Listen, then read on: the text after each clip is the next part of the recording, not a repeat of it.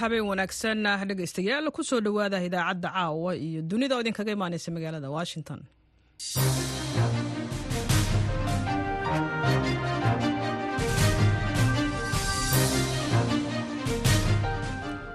Waa isniin bisha februaayo ee sanadka iyo labaatankana waa laba iyo toban. Waxaad naga dhagaysanaysaan mawjadaha gaagaaban ee lix iyo tobanka iyo sagaal iyo tobanka mitirban iyo bogga v o a somaly com. Saacadda afrikada bari waa toddobadii fiidnimo.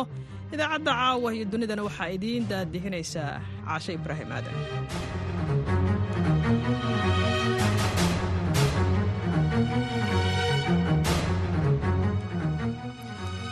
Qodobada aad ku dhegaysan doontaan idaacadda caawa iyo dunidana waxaa ka mid ah doodda wax kabeddelka dastuurka oo ka bilaabatay baarlamaanka soomaaliya nidaamkeenna aan u dhisannahay iyo qaabka doorashadeennu isma waafajisna.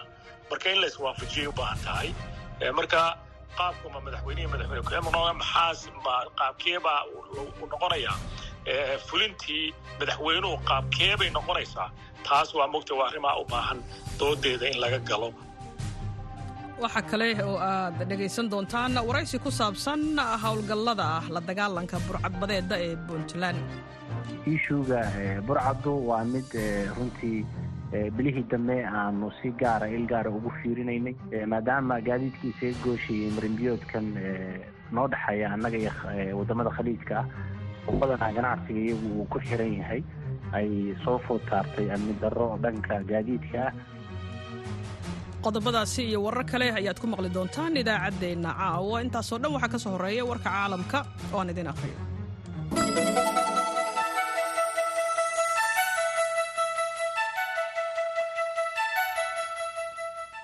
xuutiyiinta dalka yemen ayaa maanta sheegay in ay badda cas ku beegsadeen markab xamuul taasoo ah weerarkii ugu dambeeyey ee noociisa ah tan iyo markii uu bilowday dagaalka israa'iil iyo xamaas ee khaza xuutiyiinta ayaa markab magaciisa markabkaasi magaciisa ku sheegay star iris afhayeen military oo kooxda u hadlay oo layidhaahdo yaxya saariix ayaa bayaan laga sii daayay telefishinka kooxda. Waxa uu ku sheegay in markabka uu ahaa maraykan balse koox la socota xogta maraakiibta ayaa sheegtay in uu sitay calanka jasiiradda marshall islamarkaana laga leeyahay dalka greega.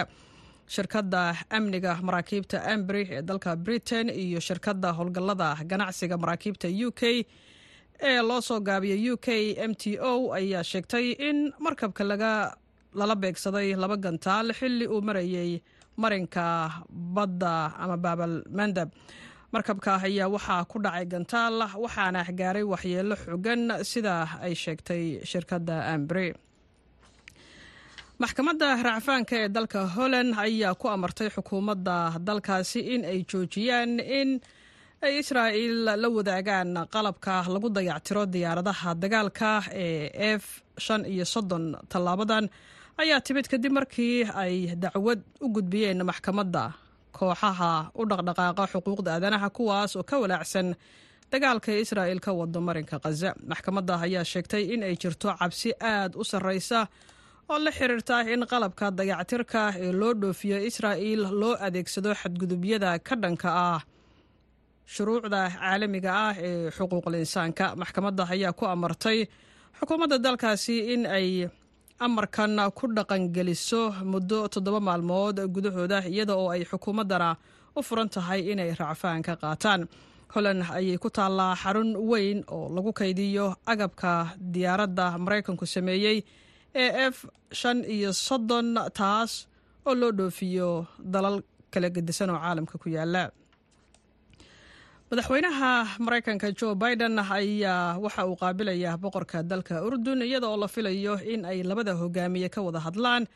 Dadaalada la doonayo in lagu sii daayo maxaabiista gacanta ugu jirta xamaas iyo weliba walaaca isa soo taraya ee laga qabo howlgallada ay israa'il ku sii fidinayso magaalada dekedda ah ee rafax kulankan ayaa waxa uu noqonayaa kii ugu horreeyey ee foolka fool ah oo ay yeeshaan labada hogaamiye tan iyo wixii ka dambeeyey markii bishii hore weerar lagu qaaday saldhig qarsoodi ah oo maraykanku ku leeyahay dalka urdun halkaas oo lagu dilay ugu yaraan saddex askari oo maraykana biden ayaa arrintaasi waxa uu ku eedeeyey inay ka dambeeyeen kooxaha gacansaarka la leh dalka iiraan iyaga oo qaaday weeraro ay uga aargudanayaan weerarkaasi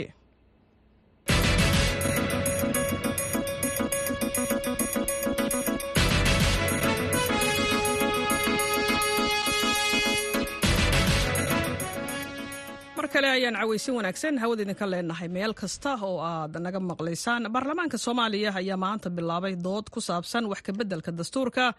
Qodobada ugu horreeya ee laga doodayo ayaa ah cutubyada koowaad labaad saddexaad iyo afraad waxaana qodobada isbeddelka lagu sameynayo soo diyaariyey guddiga madaxa bannaan ee dastuurka waxaana ansixiyey guddiga dib u eegista iyo la socodka dastuurka ee baarlamaanka. Warbixintan waxaa magaalada muqdisho ka soo diray waryaha v o eda xasan kaafi cabdiraxmaan. Qoyste. Xubnaha labada aqal ee baarlamanka soomaaliya ayaa maanta markii ugu horreysay si toosa u gudagalay howshooda ku aadan ka doodista wax kabeddelka dastuurka oo muddo dheer la sugayey waxaana xildhibaanada labada aqal loo qeybiyey jadwalka shaqe ee ka doodista arrimaha dastuurka iyadoo lagu bilaabayo afarta cutub ee ugu horeysa dastuurka. Guddoomiyaha golaha shacabka sheekh aadan maxamed nuur sheekh aadan madoobe oo shir guddoominayay kulanka maanta ayaa ugu horeyn xildhibaanada u soo jeediyey warbixin horudhac ah oo ku aadan muhiimadda ay leedahay ka doodista dastuurka iyo waajibaadka saaran labada aqal ee baarlamaanka. Dastuur taariikhi ah oo aan la samaynin lixdameydii kadib maanta maaragtay baarlamaanka waa horyaalo. Ayaan ku guulaysanay inaan habraayis ansaxino haddana asagana horyaalo. Meeshaas waxaa yaalla marka masiirka ummadda soomaaliyeed baa yaalla walaalayaal taas baan rabaa inaan idinku baraarujiyo aan maaragtay yacnii marna la dhaliilsanin shan saac layska tagayaa wakhtigii la rabaa la tagayaa inaan iska dhaafno aan u guntuno waajibaadkana horyaalo waad ogtihiin soona soo socdaa marka yacnii qodob qodob yaa la rabaa in loo fiiriyo. Yacnii afti dadweyne maahayn haddii mar aan dhammayno yacni baarlamaanka dastuurka wuxuu ka baxaya kumeelgaalnimadu ka baxaya. Dadkii waajibaadkaas lagu aaminay baanu nahay isxilqaankaas aan samayno walaalayaal xildhibaan mahdi maxamed guuleed oo ka tirsan golaha shacabka ayaa baarlamanka ka hor sheegay inaanay islahayn qodobada ku qoran jadwalka lagu shaqaynayo iyo wakhtiga ay haystaan xildhibaanada waxaana uu guddoonka ka codsaday in la shaqeeyo saacado dheeri ah si ay meelmar u noqoto inay xildhibaanadu aragtidooda soo bandhigaan. Waa maalin taariikhi dastuur masiirkii dalka ah baynu ka hadlaynaa ah dokumentigii sharci ee ugu sarreeyey sarraynta sharciga dhammaan shuruucda dalkana leh. Waxaan akhriyey habraacii afarta beej ka koobnaa afarta bog dabadeedna waxaan ka soo saaray. Doorashooyinkan muddo dheer ka shaqayn jirayoo wax la yidhaahdo legal deadline. Muddada shaqadaasi ku qabsoomayso iyo wax la yidhahdo operations deadline. Shaqada maalmeed iyo saacadeed oo loo baahan yahay. Waxaa kaloon eegay qoraalka laynoo qeybiyado saddex iyo toban cisho oo keliya ah. Waxaa kaloon ognahay habdhaqanka aynu u shaqayno haddaynu nahay xildhibaanada baarlamaanka soomaaliyeed. Shaqadani waa muhiim. Waxaynuna u baahan nahay inaynu walaalayaalow wakhti gelinno waxaan eegay inta shaqeen loo baahan yahay habraaca markaan eegay. Guddidu waxay ka soo shaqaynayaan arrimaha u baahan farsamada. Marxaladda koowaad eega qodobka saddexaad farqadiisa labaad waa sax warbixintii maanta wayna siiyeen qodobka saddexaad faqraddiisa saddexaad. Shaqo soddon maalmood gudahooda ayaa waxaa loo baahan yahay inay soo qabtaan. Maxkamadda sare oo shirweyne qabsan doonta culamaauddiinka soomaaliyeed oo shirweyne qabsan doona xukuumadaha dowlad goboleedyada oo shiri doona golayaasha wakiilada oo dowlad goboleedyada oo iyaguna shiri doona. Bulshada rayidka ah s c khaatumo iyo gobolka banaadir baa loo baahan yahay soddon maalmood inay ku soo gudbiyaan marka maanta ay u diraan shaqooyinkaa disibiliinkii haddaynu soomaali nahay hay'adahaasi intay isugu yimaadeen soddonkaa cisho ay ku tixgelinayeen miyaynu leennahay waa su'aal aan idin weydiinayo. Ugu dambayntii xogayaha guud ee la socodka dastuurka senator siciid cawke ayaa mudanayaasha labada aqal u sharaxay qaabka uu noqonayo jadwalka ay ku shaqaynayaan inta lagu guda jiro ka doodista cutubyada uu ka kooban yahay dastuurka jadwalka idin hor yaalla laba maalin shaqo oo sabtii maahae inta kale waa isniin iyo arbaca. Waxa uu koobsanayaa afar cutub. Cutub walbana waxaan filaynaa in maalmaha loo allookeedgareeya ay ku filaanayaan. Tusaale ahaan cutubka koowaad waxaannu u qoondaynay isagoo ka kooban sagaal qodob in laga shaqeeyo saddex maalin shaqo. Oo sagaalkaa qodob haddii loo qaybiyo si afreja loogu qaybsho maalintiiba ay ku hagaagi karto. Saddex qodob oo keliya. Haddii ay dhacdo in xildhibaanno badan isqoraan maalintaa inay aragtidooda dhiibtaan tusaale ahaan maalinta afar iyo tobanka oo wakhtigii ku filnaan waayo waxaan guddoonka weyddiisannay sidii horeba farsamo ahaan loo samayn jiray inay u tallaabi karto maalinta ku xigta. Oo ay noqon karto maanta kontonkii xildhibaan ee isqortay wixii laga gaadhay mooyaane waxa kale ay u furan tahay inay maalinta shan iyo toban shaqadii sii socotay si aan xildhibaanna aragtidiisa aanaan u seerayn. Cutubka labaad oo ah cutubka ugu ballaadhan koobsanayana ku dhowaad laba-iyo soddon qodob. Dhammaantoodna ka wada hadlaya waajibaadka muwaadinka iyo xuquuqul insaanka waa cutubka ugu maalmaha badan leh. Waxaannuna u qoondaynay afar maalin shaqo laakiin ay ku jiri karto farsamo ay u tallaabi karaan afar kale. Fadhiga labada aqal ee baarlamanka soomaaliya ayaa maanta waxaa ka soo qayb galay xubno ka tirsan ururada bulshada rayidka iyo guddoomiyihii hore ee baarlamanka maxamed sheekh cismaan jawaari kaasoo la sheegay inuu aqoon dheer u leeyahay arrimaha dastuurka dalka waxaanay xubnahani goobjoog ka noqon doonaan qaabka ay u socoto hannaanka kadoodista wax kabeddelka dastuurka. Xasan kaafi qoyste v o a muqdisho. Mahadsanid qoyste haddaba cutubyada ugu horreeya ee laga doodayo ayaa ah cutubka koowaad oo ciwaankiisu yahay baaqa jamhuuriyadda federaalk soomaaliya. Cutubka labaad oo ah xuquuqda aasaasiga ah iyo waajibaadka muwaadinka kan saddexaadna dhulka hantida iyo degaanka iyo kan afraad oo ah cutub cusub oo ku saabsan matalaada shacabka oo ay ku jiraan qodobo ay ka mid yihiin mabaadi'da iyo nidaamka doorashada iyo mudaxileedka hay'adaha dastuuriga ah ee heer federaal iyo heer goboleed. Doodan iyo qodobada dastuurka ee la soo jeediyey in wax kabeddelka lagu sameeyo ayaa haaruun macruuf waxa uu ka waraystay wasiirkii hore ee maaliyadda doctor cilmi maxamuud nuur oo ka mid ah xildhibaanada aqalka hoose ee baarlamaanka soomaaliya bismillahi raxmaan raxiim waad salaaman tahay haaruun runtii dee sidaad u maqashayba waxa weeye oo baryahanba doodeedu socotay. Oo xiliyadii habraaci laga doodayay muxuu ahaa iyo maantaba muxuu ahaa runtii aada loogu celinaya xiliyadii guddigu ay hor keeneenba waxa weeye qodobada horta afar cutub baa la keenayaa because qayb qayb baa loo keenayaa baarlamaanka. Ilaa moogtahay uu laga dhameeyo shan iyo tobanka cutub uu ka kooban yahay dastuurku. Oo mid walba meelaha ku habboon wax kabeddelkiisa lagu sameeyo marka haddana waa qaybtii ugu horreyso la soo hormariyey waxa weeye waa cutubka koowaad labaad saddexaad ilaa afraad wey afartaa cutub baa la keenay. Afartaa cutub baa muddo loo qabtay. Habraaca guud ee loo sameeyey baanay moogtahay ku qotontaa qaabka loo moogtahay doodaha loo maaraynayo kadibna muxuu ahaye gunaanad laga gaadayo muxuu aha afartaa cutub. Baarlamaanka labada gole isagoo isu jira.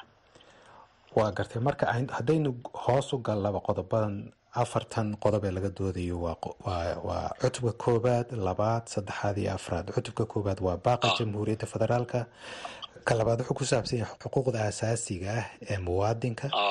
Ka saddexaadna wuxuu ku saabsan yahay dhulka hantida iyo deegaanka iyo kan afraad oo ah matalaada shacabka.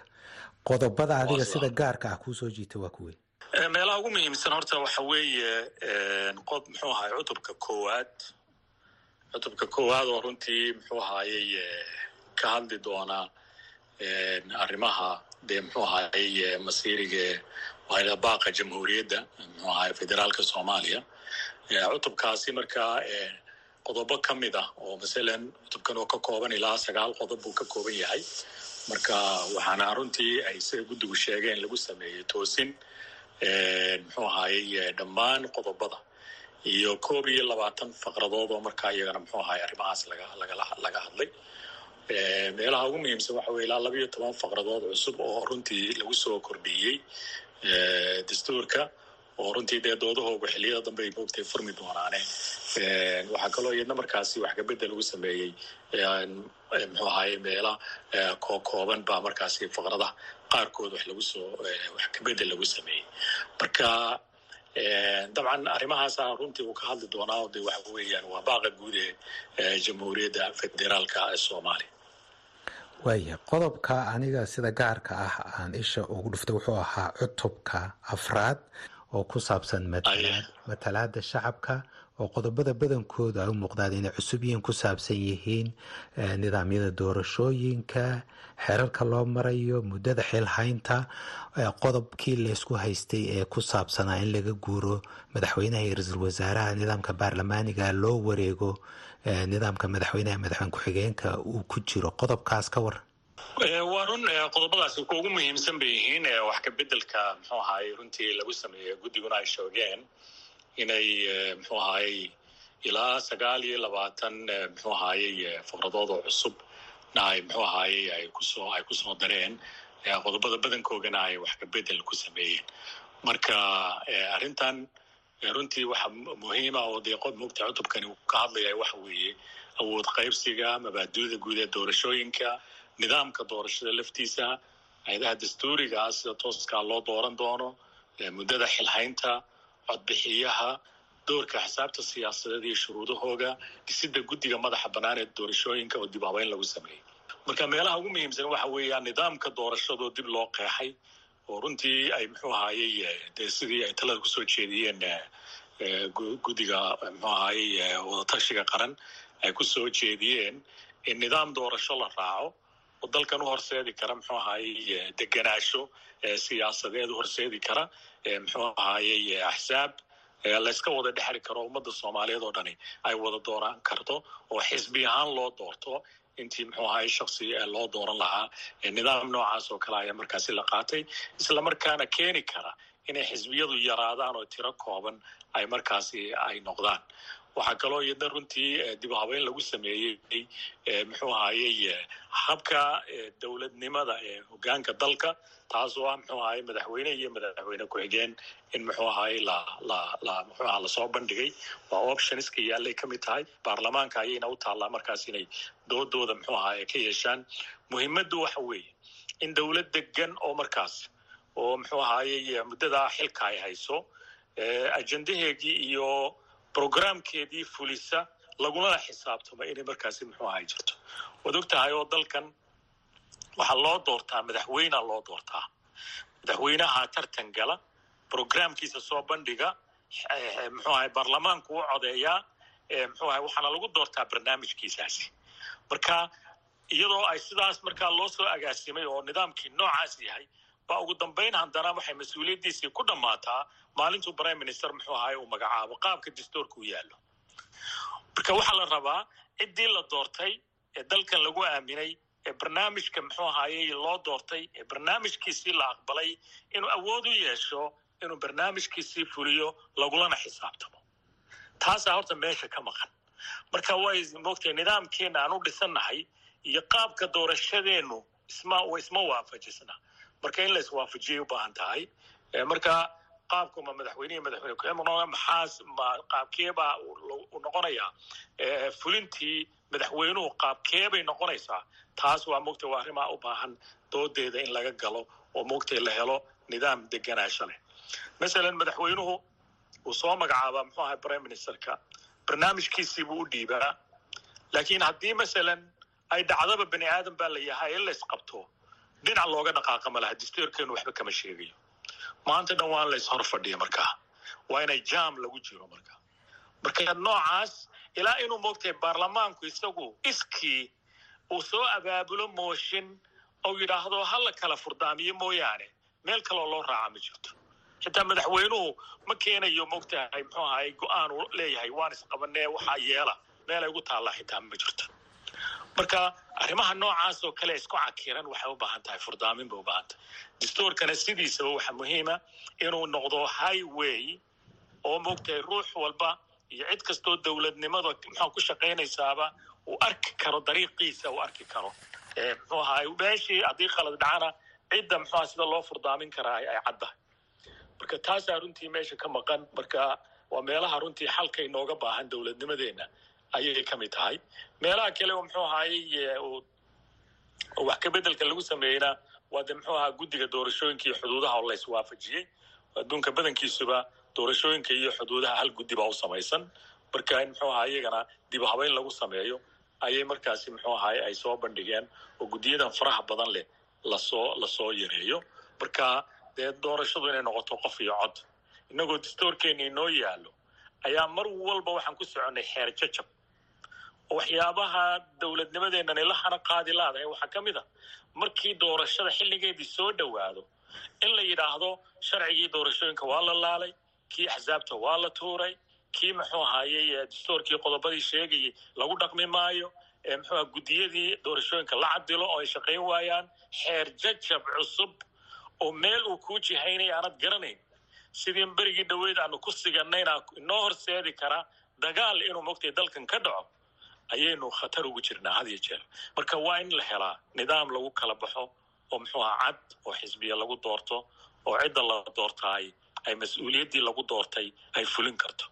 Waayahay cutubka labaad qodob waxaa jira ay ku kala aragti duwanaayeen siyaasiyiinta iyo culimada oo ku saabsanaa da-da qaangaarka. Marka waxay u muuqataa wax ka bedelidan la soo jeediyey hadda inay xaal mastuur raadisay oo da-dii shan iyo tobankana ay dhahday. Waa qaangaar sideed iyo tobankana xilkasnimada.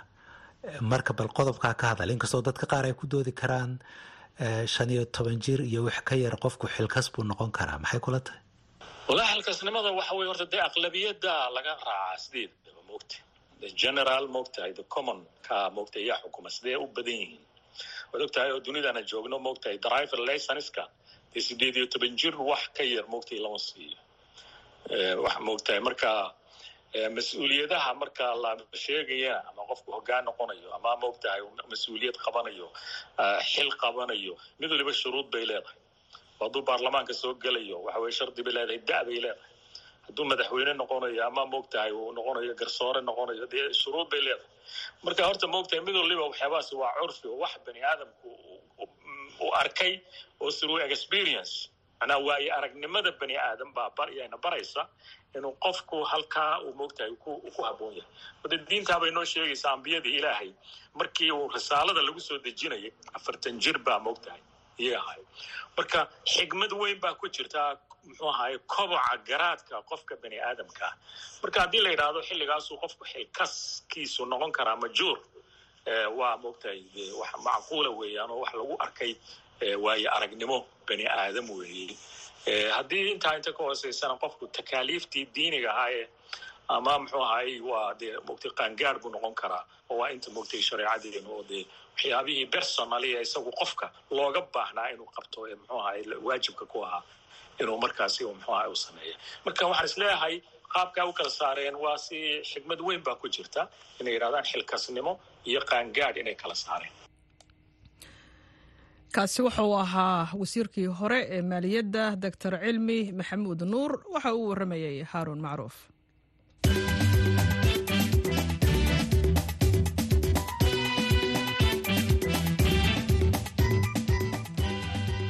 Ciidamada maamul goboleedka puntland ayaa dhowaan waxa ay xeebta degmada caluula ee gobolka raas casayr ku qabteen rag lagu tuhunsan yahay burcadbadeed iyo doon ay mas'uuliyiintu sheegeen in ay siday hub iyo dadkii saarnaaba.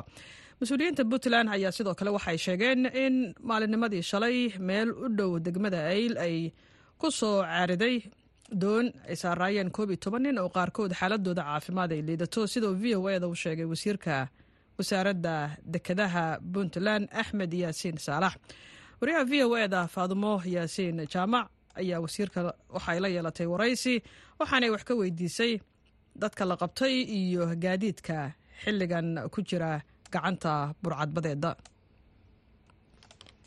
ishuga burcaddu waa mid runtii bilihii dambe aanu si gaara il gaara ugu fiirinaynay maadaama gaadiidkii isaga gooshayay marimbiyoodkan noo dhexeeya annaga iyo waddamada khaliijka ah oo badanaa ganacsiga iyagu uu ku xiran yahay ay soo food saartay amni darro dhanka gaadiidka ah. Maxay ciidamadu maxay ciidamadu kaga hortageen? Falalka burcadbadeednimo ee qaarkood lagu qafaashay maraakiibta kuwo kale weerar loo geystay. Maxay tallaabo ah oo qaadeen? Intay hadda bilaabmeen howlaha kan waa jiraan in dad lagu qabtay kuwa lagu dilay baa jira oo maaragtay hadda maaragtay iyagu ruuxooda ku naf waayey marka hawshaasi waxay ahayd hawl garab socota mataqaanaa mar walba waxa weye hawl rotina oo hawl maalmeedka ciidanka oo subax walba ay la kulmaan bay ka mid tahay. Imise qof ayaa lagu qabtay iyagoo falal burcadbadeednimo gacanta kula jira hadda burcadda la hayo ilaa iyo toddoba qof meelahaas weeye inta ku dhaawacantay iyo inta ku waxyeelowdayna runtii tirahooda hadda actually intaas weye kuma oran karo laakiin way jiraan in dad laguna dilay kuna dhaawacmay. Marka riboodkooda insha allah waxaan ka helaynaa dhanka booliska iyo ciidanka b m b da ma jirtaa maraakiib ay burcadbadeedu gacanta ku dhigeen muddadii ay bilaabatay? Horta intii faldimbiyeedkani uu soo cusboonaaday waxaa burcadda gacanteeda galay laba markab oo markab ay lahayd dowladda waxa weeye sri lanka oo kalluumaysi ahaa iyo markab kale oo isaguna ruweyn la yidhaahdo oo laga lahaa dalka bulgaria markabka bulgaria laga lahaa ruweyn la yidhaahdo ayaa ku horreeyey gacanta burcadbadeeda markabkaasi waa markab aada u weyn waxa uu sidaa waxa weye badeecad isugu jirta waxyaabaha beeraha lagu bacrimiyo iyo birtan steelka la yidhaahdo oo runtii markabkaasi maadaama uu markab aada u xajmi weyn uu ahaa waa uu soconayey oo movement buu sameynayey maadaama shidaal badan uu helitaangeediisu ay ku jiraan waayo cabsi badan ay ka qabeen burcaddu inaysan ku xasili karin dhanka beriga wuxuu sameynaya dhaqdhaqaaq ilaa iyo hobyo ilaa iyo raasigan raas xaafuun la yidhaahdo ilaa iyo raas gardafu raas casayr. Marka waxaan is leeyahay runtii markabkaasi ma suurtagelin in howlgal lagu fuliyo laakiin markabka sri lanka waxaa ka howlgalay ciidamada badda navyga indian navyga waa succeed buu noqday operationkiisii. Waa lagu guuleystay in operationkaasi lagu qabto burcaddii markabkaa saarnayd ee afduubtay burcaddaas runtii ciidamada indiyaanka markay nala soo wadaageen in operationku succeed yahay waxaa informationka ay nagu siiyeen in la geynayo dalka dalka seychelles arrintaasi marka suurtagalnimadeedii informationku halkaasuu noo joogay waxaa nagu maqaalaa shalay in ay ka soo caariyeen dekeda ceelmacaan inay ka soo caariyeen oo aasi oo aada u rafaadsan oo muddo saddexdii bisha maadaama operationku fulay maanta shalayna ay ahayd kow iyo tobankii bisha intaa waxay sabeynayeen badda hadda iyaga warbixinta laga helay dadkii u gurmaday maadaama dad shacaba ahaayeen oo kalluumaysato ah informationkii hadda ugu dambeeyey iyaga laga helay waxay ahayd in shidaalkiina laga daadiyey cuntadii siteenna badda lagu daadiyey kadibna looxoodii yaraa inta dusha laga saaray ay kaga tageen badda korkeeda. Iyadana waxaa dhinaca socotay oo maalintii labaad la qabtay doon iyaguna kalluumaysi ay afduubeen burcadbeed koo iyo toban qofa.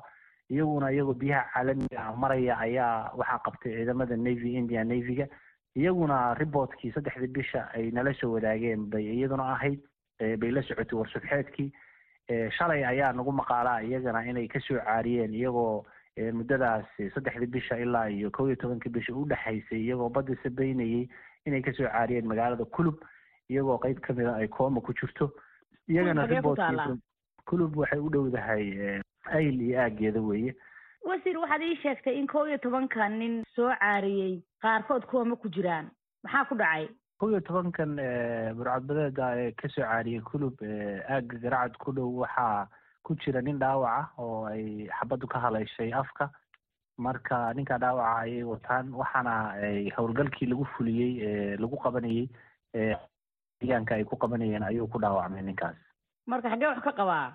Qeybta afka ah buu ka qabaa. Sida ay warbixinta hadda nagu soo gaarsiiyeen dhinaca afka ah ayay xabaddu kaga dhacday xabad weyn dhinaca kale ka baxday ragga aad sheegtay ma dad shacaba haya mise ciidanka ammaanka gacanta ku dhigay?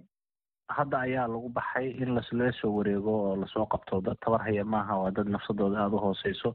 Marka haddeer ayaa ciidanka loo diray ciidankii ka howlgeli lahaa. Marka waxaan rajeynaynaa saacadaha soo socda in gacanta lagu soo dhigo dhammaantood. Ninka dhaawacaana la soo qaado. Ninka dhaawaca ah marka laga reebo kuwa kale maxaa kuwa madageliyey maadaama ay muddo maaragtay sideed cishaa ay badda sabeynayeen cuntana aysan haysan dabaylaha badda ka dhacaya ayaa saamaxay inay dhanka xeebta deg deg u yimaadaan. Meesha howlgalku ka dhacay biyaha internationalka ayay ahayd. Marka suurtagal ma ahayn iyagoo bilaa shidaal ah iyagoo bilaa maaragtay cunto ah inay si deg dega oo noloshooda ay u sii jirto. Marka laakiin faa'iidadu waxay ahayd maadaama dabaylo badan ay dhanka badda ka soo dhacayeen oo dhanka beriga u soo dhacayeen inay soo caariyaan taasaa fududaysay waxaan rabnaa inaanu digniin u dirno bulshada ku howlan inay ka ka geysato faldembiyeed xeebaha puntland inaysan dhanka biyaha caalamiga aana ku badbaadayn dhanka beriga ahna inaysan ku badbaadayn. Oo hadda anagu howlgal insha allahu bilaaban doona ayaamahan ayaan rabnaa inaan xajmi howl xajmi leh lagu qaado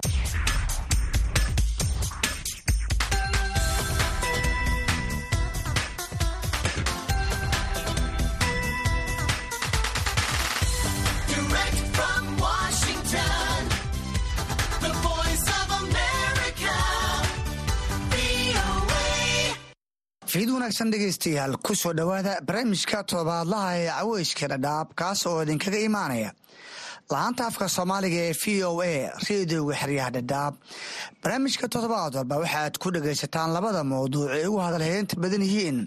Bulshooyinka ku nool xeryaha qaxootiga iyadoo dhegeystayaasheena dhadhaab iyo deegaanada ku xiran ay si toosan uga dhagaysan karaan.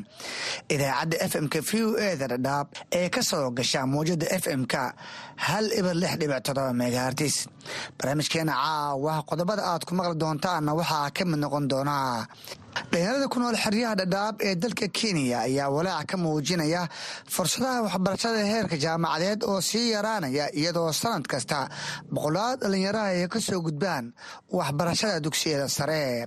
Sidoo kale barnaamijka waxaa qeyb ka ah qaar ka tirsan qaxootiga oo ka waramaya dhibaatooyinka ay uga soo qaxeen soomaaliya iyo rajada ay ka qabaan inay dib ugu laabtaan dalkooda hooyo kaba marra xubintii shakhsiga oo toddobaadkan aan ku wareysan doono xasan ibraahim aadan oo ka sheekeyn doona waayihiisa nolosha qaxootinimo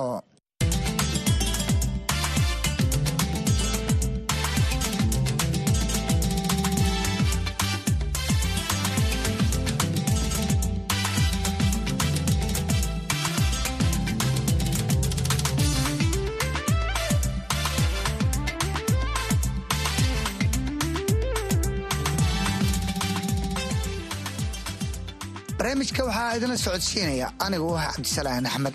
Shan iyo soddonkii sano ee tagtay kumanaan dhallinyaraha u badan soomaali ayaa fursado waxbarasho oo bilaasha ka helay hay'adaha caalamiga ah ee taageera waxbarashada qaxootiga taas oo kumanaan dhallinyaraha u suurta gelisay inay si bilaasha wax uga bartaan jaamacado kala duwan oo ku yaalla daafaha caalamka. Balse sanadihii tagay waxaa sii yaraanayay fursadaha waxbarashada ee heerka jaamacadeed ee la siiyo ardayda qaxootiga ah ee wax ku barta gudaha xeryaha. Iyadoo arrintaasina saameyn ballaran ay ku yeelatay waxbarashada da'yarta ku nool xeryaha qaxootiga. Siyaad tabane oo ka mid ah macallimiinta qaxootiga kuna barbaaray xeryaha ayaa ka waramaya fursadaha waxbarashada ee sii yaraanaya iyo saameynta ay ku yeelatay da'yarta qaxootiga ee wax ku barta gudaha xeryaha macalin siyaad ayaa ugu horeyn u mahad celiyey dowladda kenya iyo hay'adda qaxootiga adduunka ee u n h r. Siaad u sheegtay waxaan ka mid ahay daayartii ku barbaartay xerooyinka dhadhaab gaar ahaan hadda waxaan ahay marata mas'uul xagga ururka dhallinyarada saddexda xara marka koowaad waxaan jeclaysa inaan fursaddan ugu faa'iidaysto inaan halkan uga mahad celiyo dowladda kenya iyo shacabkeedaba si gaar ah waayo soddonkii sano ee halkan aan joognay gobasha ay noo fidiyeen waan oga mahad celinaynaa sidoo kale hay'adda u n h c r waan oga mahad celinayna iyadana sidii maarata ay gacanhaynta badqabka qaxootiga ay in badan ay maarata isugu dhawarjibisay waan oga mahad celinaya walaalow in badan horta dhallinyarada wax badan oo faa'iida ah way kala kulmeen. Halkan ay ka mid tahay amniga ay ku naaloonayaan ay ka tahay maarata waxbarasho iyo nolol kale heerarkeeda kala duwan fara badan ay soo mareen. Waaqaca hadda jiro markaan u soo dagaandego hadda nin oo dhallinyarada waxaad moodaa inay caqabadooyin fara badan ay dareemayaan. Caqabadooyinka waxaa ka mid ah dhallinyaradii inta badan iskuullada ilaa maarata heer secondary way dhameeyeen. Cunugii markuu ilaa secondary lagu soo dadaalo waxbarashadiisa uu dhameeyey halkaasay ku ekaanaysa inta badan. Oo maarata scholarship oo halkaa ka dheer beryahan waxay noqotay gabaabsi sidii lagu helana fursadahaas waa iska adagyihiin waxaa kaloo jirtaa maarata shaqa la'aan baxsan dhallinyaradii kii iskuul soo dhameeyey iyo kii maarata xirfad lahaaba kudib waxay wada joogaan maarata xaafadihii wax shaqa ah iyo wax shaqa abuur ah oo ka jira ma jiro ma lahan. Marka dhallinyarada waxaad moodaa marka in caqabadooyin noocaasoo fara badan ay aad u dareemayaan. Waa tahay macalin siyaad dhinacan waxbarashada bilaashka ah ee heer jaamacadeed xilligan maxaa lumiyey bay kula tahay oo jaaniska ay u waayeen maadaama horaan ay u jirtay dhalintana aad loo caawin jiray. Waa maasan tahay su'aashaas waa su'aal mudan in las weydiiyo aniga naftikeen mas'uuliyiinta dhallinyarada maadaama nahay in badan hay'adaha waa aan weydiinay sababta gabaabsiga keenay iyo maarata gaabiska faraha badan ku imaaday maarata xagga scholarshipka ee la siin jira dhallinyarada. Dhallinyarada waxaa leeyahay hay'adaha inta badan waxay sheegaan in uusan jirin dhaqaalihii ebel lagu bixin jiray ee dhaqaale la'aan ay ka dhacdo adduunka. Waa ogtahay maalmahan dambe xasarad fara badan meelo badan ka jirta adduunka. Adduunka dacladiisa meelo badan sida dagaalka ukraine russia waxyaaba badan ay jiro marka ayagoo marka cudurdaar noocaas bixinayan inta badan waxay dhahaan dhaqaalihii aan ku bixin jirnay ayaa gabaabsi ku imaaday marka dhallinyarada marka arrintaas waxay ku noqotay marka caqabad ay maarata aad u dareensan yihiin maanta oo maarata aan laga gudbi karin dhinaca kale tayadii waxbarashada waa laga deerinayaa oo dabcan macalimiintii tayada laheyd la qaadan jiray haatan iskuullada qaxootiga ma joogaan. Waa mahadsantahay. Horta tayada waxbarashada waxaa hoos u dhigayaan aniga horta dareensanahay inta badan. Kow macalinka sidiisao haddii uu dhiirigelin haysanin dhaqaale ku fadan ku filan uu ku shaqaynaya macalinka naftiis waa qof danleeh waay waa qof maarata nafli ah waay ilmu karanaya kursanaya waalida ka dambeeyo xaasa laga yaaba inuu leeyahay. Marka macalinkii moraal inuusan haysanina laga yaaba waxbarashadii xitaa uu iska taagan yahay haddee waa wada garan karnaa macalimiinta inta badan hadda shaqayso marka noqoto xagga baymentka aad u hooseeya dhiirigelin kalena ma haystaan oo maarata bulshadiina maarata ma gacan celiso marka caqabadahaasu jira awgeeda waxbarashada maarata xagga tayada waxbarashada waxaan dareemaya inay hoos u dhacday. Waa jirta arrimahaas waa arrimo u baahan in il gaara lagu fiiliyo. Sababta keentana in badan wax la iska weydiiyo xalkeedana loo degdego. Waayo xarooyinka qaxootiga dadka inta badan waalidiinta markaad waraysiga aad la yeelato waxay ku dhahayaan waxaan halkan u deganahay carruurteena wax baranaynaa waxaa halkan ugu qasbaa inaan sii joogno xarada nolosheeda waa adag tahay laakiin waxbarashada carruurteena yaan u dhawar adeegayna ku dhahaya marka arrintaa marka in il gaara lagu fiiriyo si qoto dheer maarata dhaqaala walba loogu raadiyo waxbarashada maarata tayadeeda laga taxadiro aadan waan maarata ugu dhiirigelin lahaa inta maarata ku lugta leh. Aada weyn saameyn ku yeelan karaan. Waayo cunugan markuu ogyahay in markuu heerkiisa koowaad primary basic education uu qaato primary secondary inuu helayo jaamacad iyo heer sare uu ka gaaraya waxbarashada markuu ogyahay oo ay waddada u muuqato uu dhiiranaani oo uu dadaali waxbarashada ku dadaali siduu ku heli lahaa maaragtay jaamacaduna uu ku dadaali. Hadda waxaad arkaysaa dhalinyarada haweeney maalin wax akrinaysay a plus a minus b plus c plus haysato jaamacada u wada qalmay inay maanta xaafadda iska joogaan oo waxay qabtaan ay garan layihiin marka kan kale ee iskuulka hadda dhiganayo wuxuu dhihi hebel oo b mase a minus keenaba gurigu iska joogo wax scholarship taa muusan helin ani marka maxaa maxaa dhibayo usa marka waxbarashadii marka meeshaas waxaa uga imaanaya nusqaan oo la dareemi karo. Marka waxaan leeyahay arrintaas waa saameyn aad u weyn ayay ku yeelan kartaa. Maarata jilka dambe iyo waxbarashadooda heerka ay ka gaari lahaayeenba waa tahay. Ugu dambeyntii macalisiyaad maxay tahay fariintaa diraysa waxaan fariin u darayaa dhammaan mujtamaca soomaaliyeed. Marka koowaad iyo marka labaadba inta ku nool xarooyinka dhadhaab inay horta isu tashtaan oo ay noqdaan dad maaragtay dhinac walba maaragtay ka dhisan oo haddii ay noqoto barbaarinta caruurtooda haddii ay noqoto maaragtay nolosha guud ee xarada inay maaragtay dad isku duwan yihiin danahooda gaarka ana inta badan focus ka saaraan. Waayo soddon sano iyo ka badana maxaa lee jira hay'ad ay gacan ku haysay dadkan. Marka dependency syndromeka maalin walba kadib inuu sii koro. Marka taas in laga baxo oo ay dadka isu tashtaan. Aad ba uu mahadsan yahay kaasina wuxuu ahaa siyaad tabane oo ka mida macalimiinta ku nool xeryaha oo noogu waramay gudaha xeryaha dhadhaab ee gobolka waqooyi bari dhinaca kale daa'irta qaxootiga ku nool oo lagu qiyaaso inay bulshada ka yihiin boqolkiiba shan iyo toddobaatan ayaa tirada ugu badan waxay yihiin kuwa soo akhristay dugsiyada sare balse badankood aan helin fursad waxbarasho oo heer jaamacadeed ah. Waxaana xeryaha ku yar fursadaha shaqo taas oo jiilka qaxootiga ah saameyn kala duwan noloshooda ku yeelatay xaashim daahir jire oo u ololeeyo dhalinyarada qaxootiga ayaa ka waramaya saameynta fursadahaasi sii yaraanaya ay ku yeelatay dhalinyarada qaxootiga ah. Cabsalan waa mahadsan tahay. Waxaan ku noolahay xarada qaxootiga dhagaxley khaasatan xarooyinka dhedheeb cabsalan waxaan u mahad celinayaa bahda v o eda iyo adiga oo bulshada u adeego. Waad mahadsan tahay.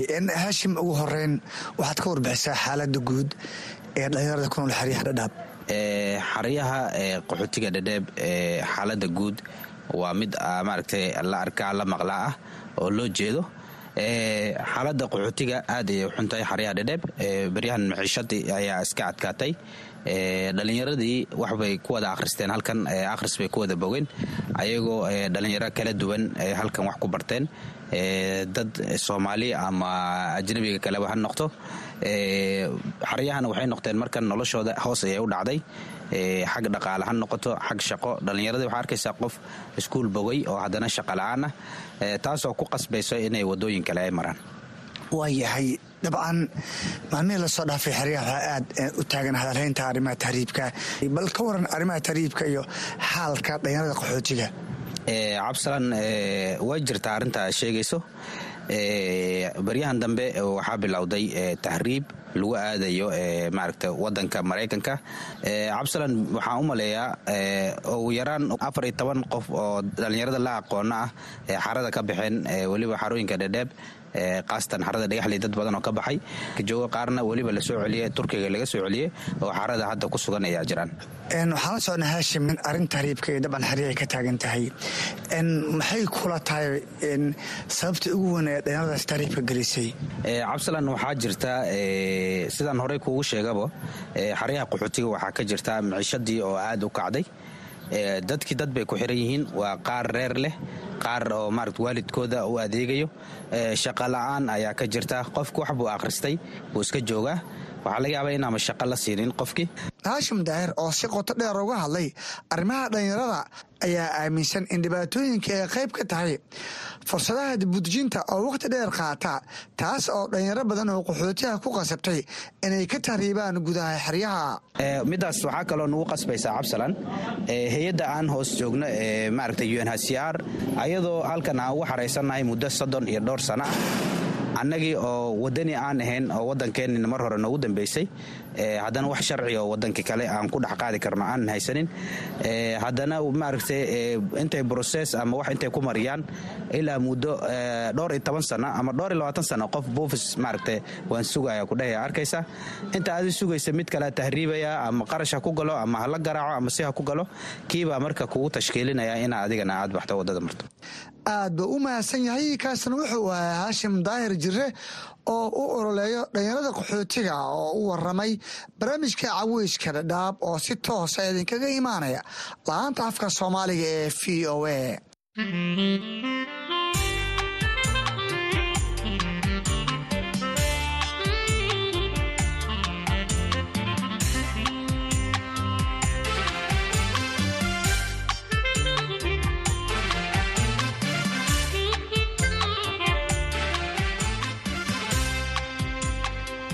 soo gaarnay qaybihii dhexe barnaamijka caweyska waxaan idinku soo maqan sheekooyin kale oo ku aadan isla wararka qaxootiga. Balse iminka idinku wareejiyo saaxiibkay axmed cabdulaahi jaamac oo istuudiya igula sugan si uu nagu soo tabiyo barnaamijka qaybihiisa kale.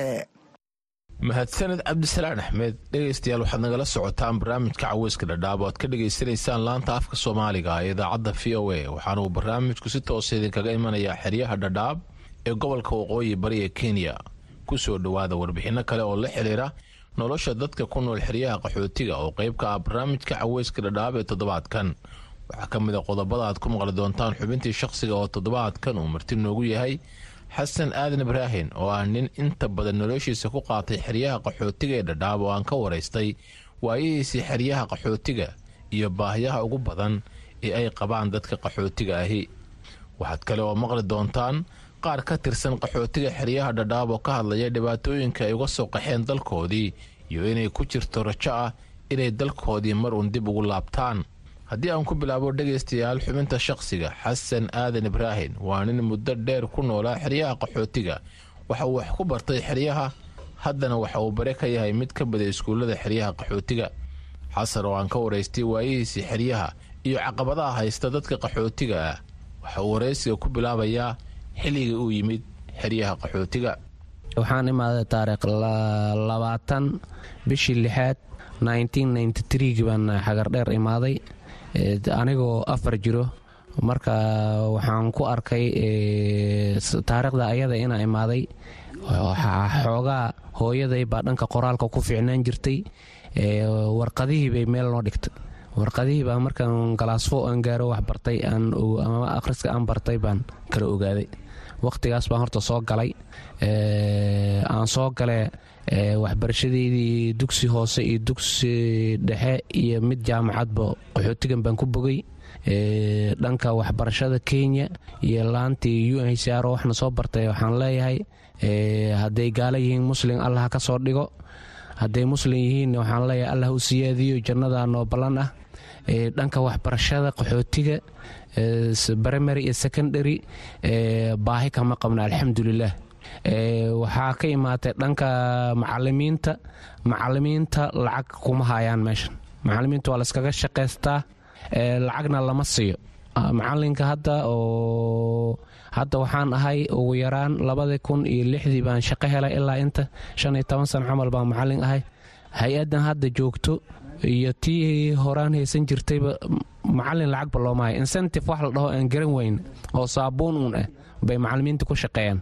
Lacagga hadda aniga waxaan qaataa macalin tababaran oo tayale baa hay'adda iga dhigtay cilmigii waan qabaa tayadii waan leeyahay. Bishii waxaan qaataa sagaal kun. Sagaal kun oo kenyahaan qaataa. Sagaalka kun oo kenya maanta loorka sokortana wuxuu maraya afar kun iyo afar boqol.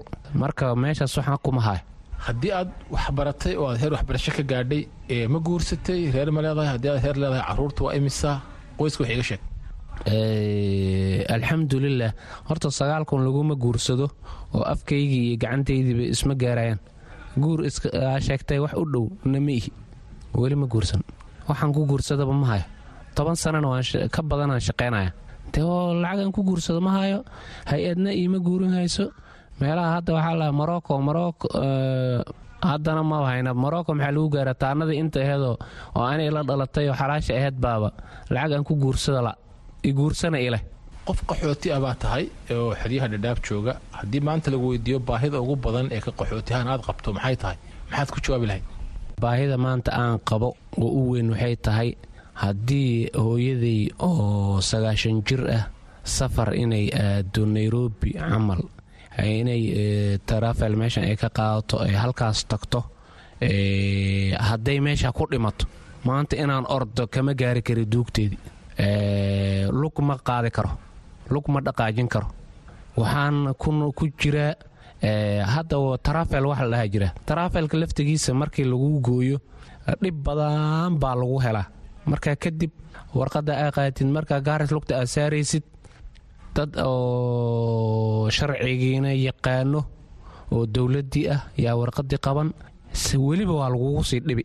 Baahida waa dhanka socdaalka gacan kuma haayo dhanka caafimaadka gacan kuma haayo baanadhool iyo bahal aan garan waay oo magafa la dhaho yaa meeshan lagu siinay dhanka caafimaadkana araajo weyn baa iga haysato oo isbitaallo ayaa jiri jiray oo qaxootigu uu leeyay isbitaalladii oo dhan baa la wada xiray.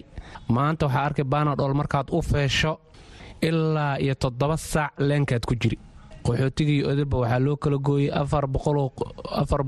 laba boqol oo kun oo qos yaa qaxootiga xaga reer camal markaan qiyaas ah ku nool. Laba helti boosbasay leeyihiin marka isma bixinayso daawada aan u feela haddana ma xumee wakhti kasta ha igu qaadatee daawo tayale ma ah daawadii markii la ii qoro haddaan ninkii daawada bixinaya u taga wuxuu leeyahay daawadan uma taallo haddaan dhaho kaalay dhankaa iyo gaaris ka raadi la dhahana ma dhaqaaqi karo. Waxaan ahay nin lugaha ka xiran garbaduubna loo xiray kor u bood la dhahay oona boodi karin ayaan ahay. Waxaad soo hadal qaaday in kaalmadii bini'aadanimadu ay yaraatay oo dhinaca caafimaadka ayaad ku dhufatay arabka iyo meelo kale raashinka iyo waxbarashada iyo maarata biyaha iyo dhammaantood waa laga dayrinayaa. Dhinaca maxaa iga siin kartaa oo faahfaahina?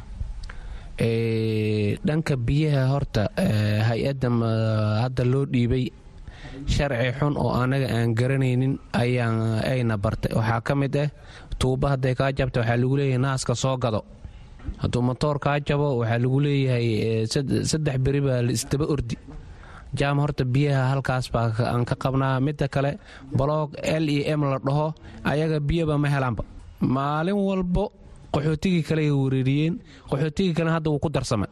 Marka dhanka biyaha aad iyo aad iyo aad iyo aad ayaan ooga cawanaynaa. Dadka ku dhegaysanaya gaar ahaan dhallinyarada adoo fursadda ka faa'iidaysanaya maxaad u sheegi lahayd? Waxaan u sheegi lahaa wareya markaa wax barato qaxootiga yuu waa kuugu baryina dal iyo dibad meel un u dhaqaaji baan dhihi lahaa. Sababtoo cilmigii waad heesaa meelaa ooga shaqaysana ma laha. Nabaddii waa haysa alxamdulilah meesha nabad baan ku joogna nabaddii waan haya waxbarashadiina waan haya dee marka ma iscunnaa soo noolal kale ma jirto dee guur baa jiro qaaraan baa jiro walaalka oo dulmanoo soomaaliya maalin walba lagu xabadaynayo qaaraan ina uu kaaga baahan yahay caafimaad buu kaaga baahan yahay. Naftiina waad heesaay oo soddon jir baa tahay takhtar iyo macallin baa tahay. Waxa ku kaalmaysidna maysid marka ma oohin baa oohin ku kabna.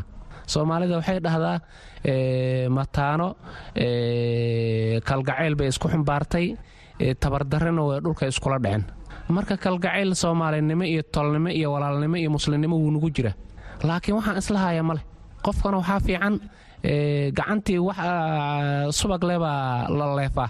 Dee gacanteyda subag ma lah marka waxaan leeyahay qaxootiga dhallinyarada waryaa wax barta aabiin la jannay soomaaliya ka soo cararo meeshan waxa lagu barto. Laakiin markaa waxbarashada saa u bogto shahaada gacantaa ku dhigta afarta barjaal berha la aadan leh.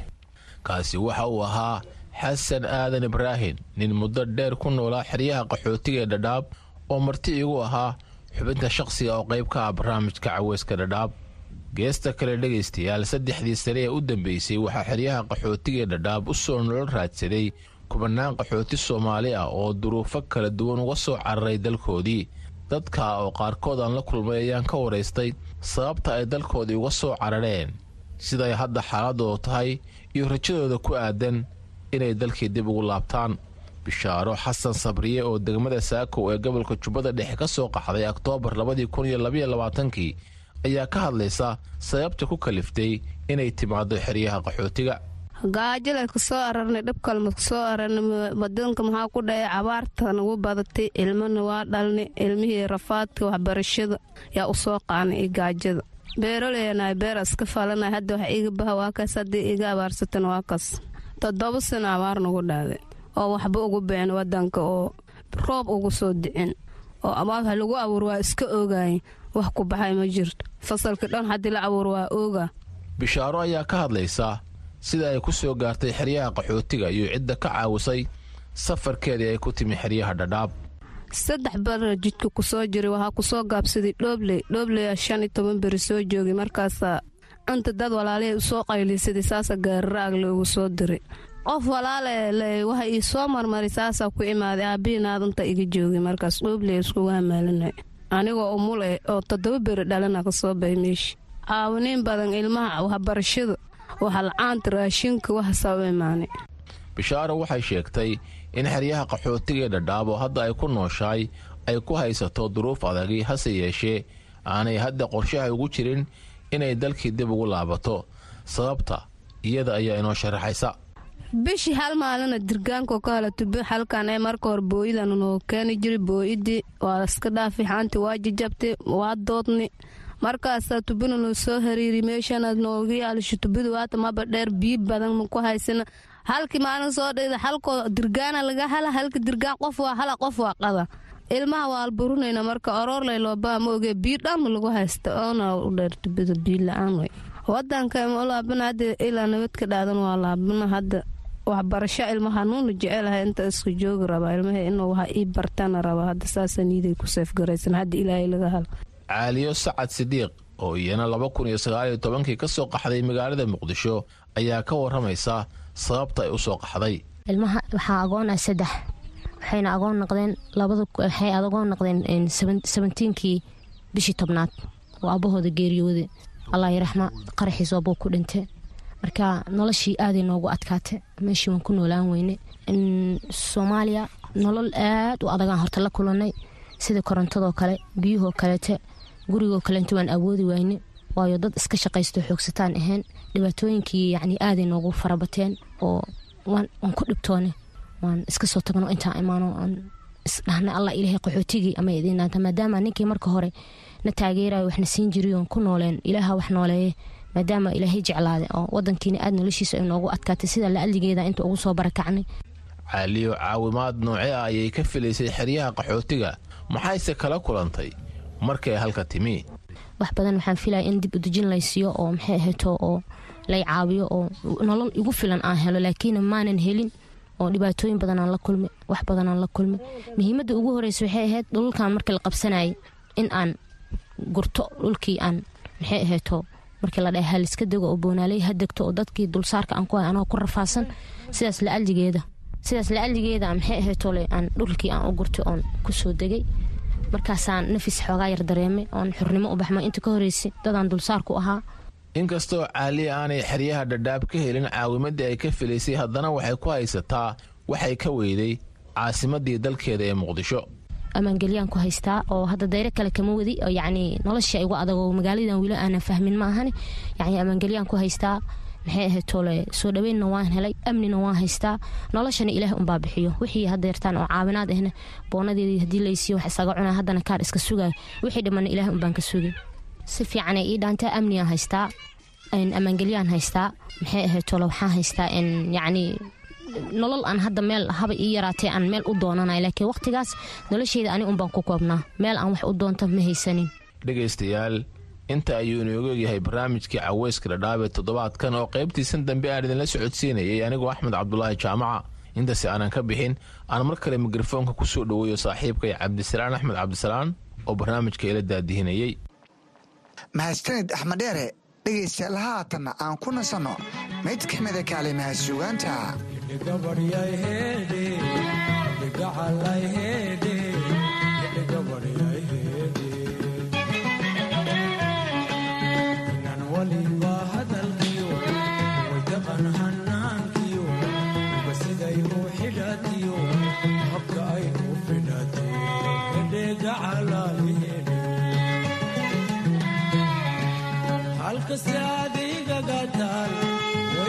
shader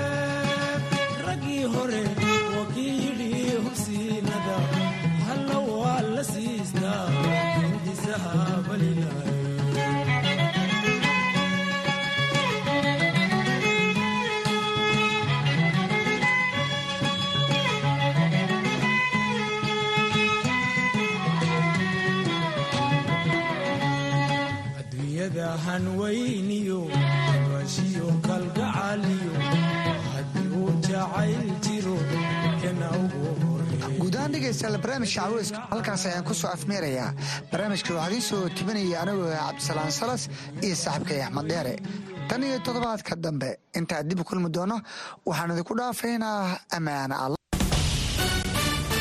This is VOA News. I'm Laurel Bowman. Israeli military spokesman